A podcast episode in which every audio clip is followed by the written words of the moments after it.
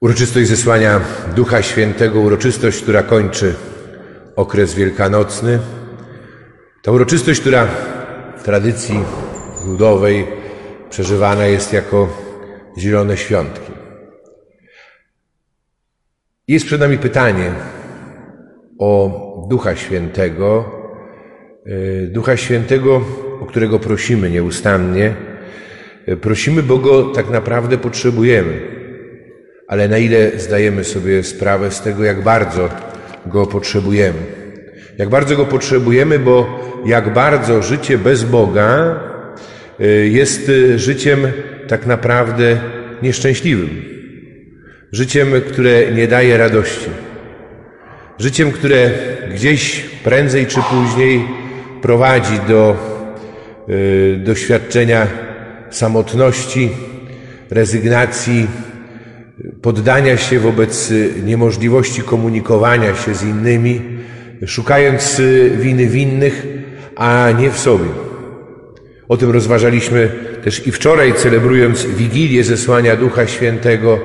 Przepiękna liturgia, bardzo mało jeszcze wśród nas doceniana, e, taka Wigilia jak Wigilia Paschalna, tyle że tu rozbudowana jedynie liturgia słowa, pięć e, czytań przed Ewangelią, e, czas właśnie takiej wspólnej modlitwy i refleksji. Refleksji, a może lepiej powiedzieć właśnie przeglądania się w Bożym Słowie, rozpoczynając od opowieści o nieudanym projekcie budowy miasta i wieży sięgającej samego nieba, wieży Babel. Pan Bóg pokrzyżował te plany, ale pokrzyżował tak naprawdę nie On. E, on po prostu pozwolił ludziom doświadczyć, e, jak taki projekt, projekt budowania nie tylko bez, ale i wbrew Bogu, e, prowadzi do swoich konsekwencji. I tym, co tak naprawdę sprawiło, że ten projekt został zarzucony, to jest to, że ludzie, y, jakby można powiedzieć, coraz bardziej rozbudzili w sobie swój własny egoizm. I to doprowadziło do pomieszania języków, do zerwania jakiejkolwiek więzi, w związku z tym do zarzucenia projektu, w którym potrzeba było y, zaangażowania wielu, a nie tylko e, jednej czy y, kilku osób. I oczywiście ktoś może powiedzieć, można to było kontynuować, gdyby ktoś e, zdobył absolutną władzę, uczynił z innych niewolników i przymusił do takiej pracy. I to są te rzeczywistości, my bardzo łatwo możemy je odnaleźć we współczesnym świecie. E, w naszych e, też i narzekaniach, w naszych też i refleksjach, choćby patrząc na rzeczywistość wojny, która nie tylko toczy się za naszą wschodnią granicą, ale też i przecież nas y, dotyka i nie tylko y, dlatego, że y, budzi w nas lęk, ale też i, że my ponosimy jej bezpośrednie konsekwencje, że wiele takich czy innych przedsięwzięć ma swoje bezpośrednie skutki. Ale tu nie chodzi o to, żebyśmy patrzyli tylko w skali makro, bo to jest ważne, ale też i zobaczyli, że tak naprawdę ta rzeczywistość, w jakiej my żyjemy, zależy ode mnie i od nas od mojego zaangażowania, od mojej odpowiedzi na to, co staje się takim e, wyzwaniem. I sytuacja w kościele, ale też i w parafii, w mojej rodzinie. Prawda? Trzeba tak naprawdę zejść. Ja wczoraj o tym mówiłem, e, zejść na dół, wsłuchać się, wsłuchać się głosem serca e, w innych. Bo problem polega bardzo często na tym, że brakuje nam tej komunikacji, bo my nie słuchamy siebie, ale przede wszystkim nie słuchamy Boga. Nie słuchamy Jezusa. I to jest to, o czym mówi nam dzisiejsza Ewangelia. Jeżeli mnie miłujecie, będziecie zachowywać moje przykazania, będziecie zachowywać moje słowo, poznacie moją naukę. Tu nie chodzi o teorię tylko, tylko tu chodzi o rzeczywistość, o ten projekt, który Jezus, którym Jezus przyszedł na świat, e, projekt naszego wyzwolenia. I ja tego sam w pierwszej mierze e, mogę i powinienem doświadczyć. Powinienem doświadczyć tego właśnie i doświadczyć, że słuchając słów Jezusa, y, rzeczywiście zaczyna płonąć moje serce. Te języki ognia, pod których postacią przedstawiany jest Duch Święty stępujący na apostołów, to jest właśnie ten język, który płonie, czyli jakby wyraża i transmituje na zewnątrz ten żar, który bije z serca.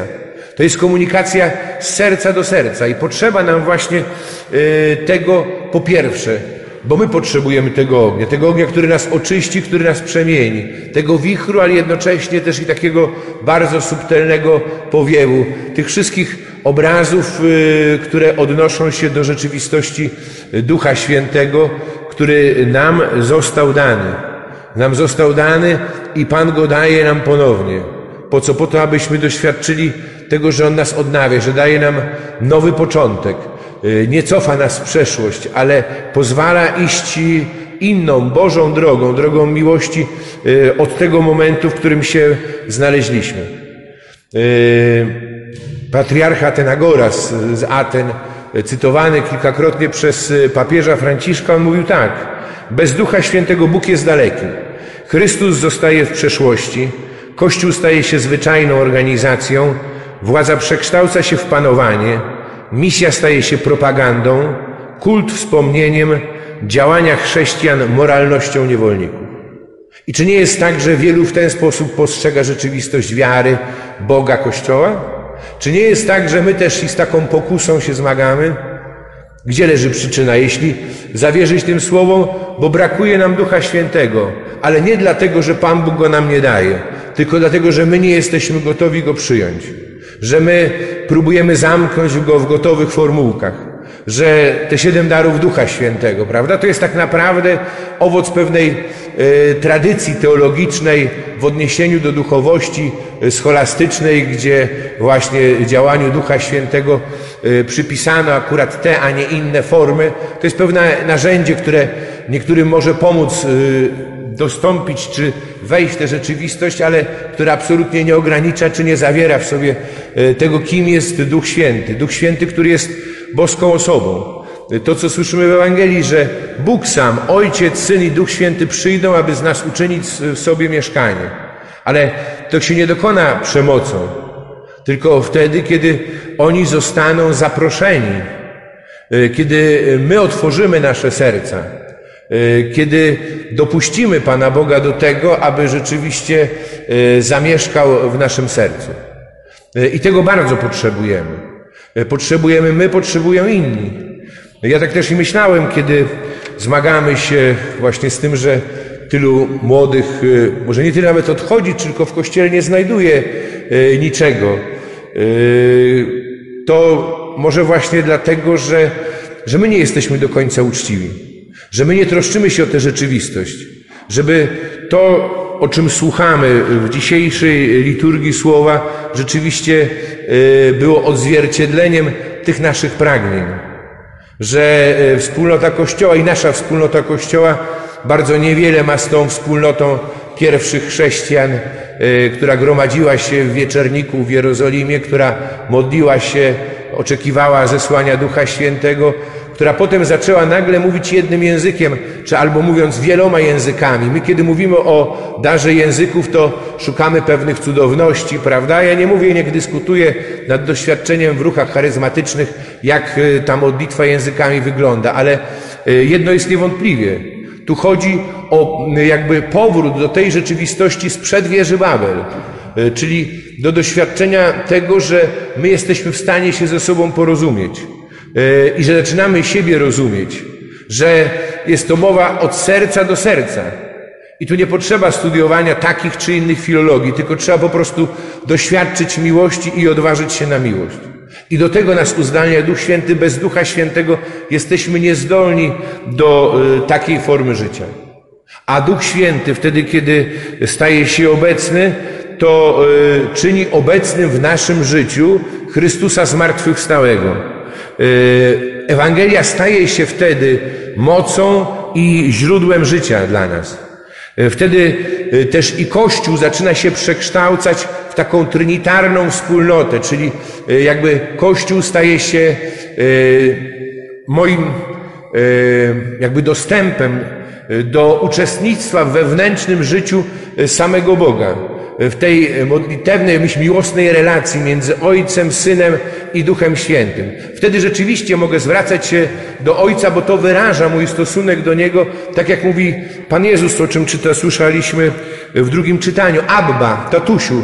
Abba w języku aramejskim to był zwrot, którego używało tylko małe dziecko w odniesieniu do swojego ojca.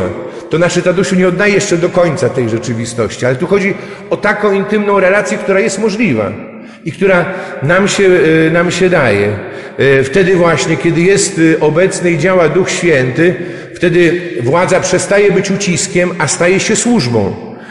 Wtedy też i liturgia staje się nie tylko celebrowaniem wydarzenia z przeszłości, ale naszym uczestnictwem, zanurzeniem w tej tajemnicy, która jest rzeczywistością, która nas przenika, która nas otacza, tej tajemnicy, możemy powiedzieć, która daje nam dostęp do tej żywej i dziejącej się cały czas rzeczywistości, która ma swoje korzenie w przeszłości, ale która trwa i która otwiera przed nami też i nieskończoną przyszłość.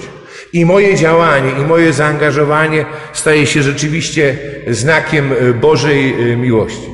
Prośmy o Ducha Świętego, prośmy Go dla nas, prośmy dla naszej wspólnoty, prośmy dla całego Kościoła, prośmy dla naszych bliskich, po to, abyśmy mogli właśnie doświadczyć mocy Bożej miłości i abyśmy mogli wypełniać z radością tę misję, która nam jako przynależącym do wspólnoty Kościoła, czyli złączonym przez sakrament Chrztu Świętego z Chrystusem, Chrystusem, który daje nam Ducha Świętego, daje nam y, pocieszyciela, daje nam tego, który sprawia, że y, jak słyszeliśmy, przypominamy sobie te wszystkie doświadczenia, to, co jest naszą wspólną historią, ale co też i daje nam zrozumienie tej nauki Chrystusa.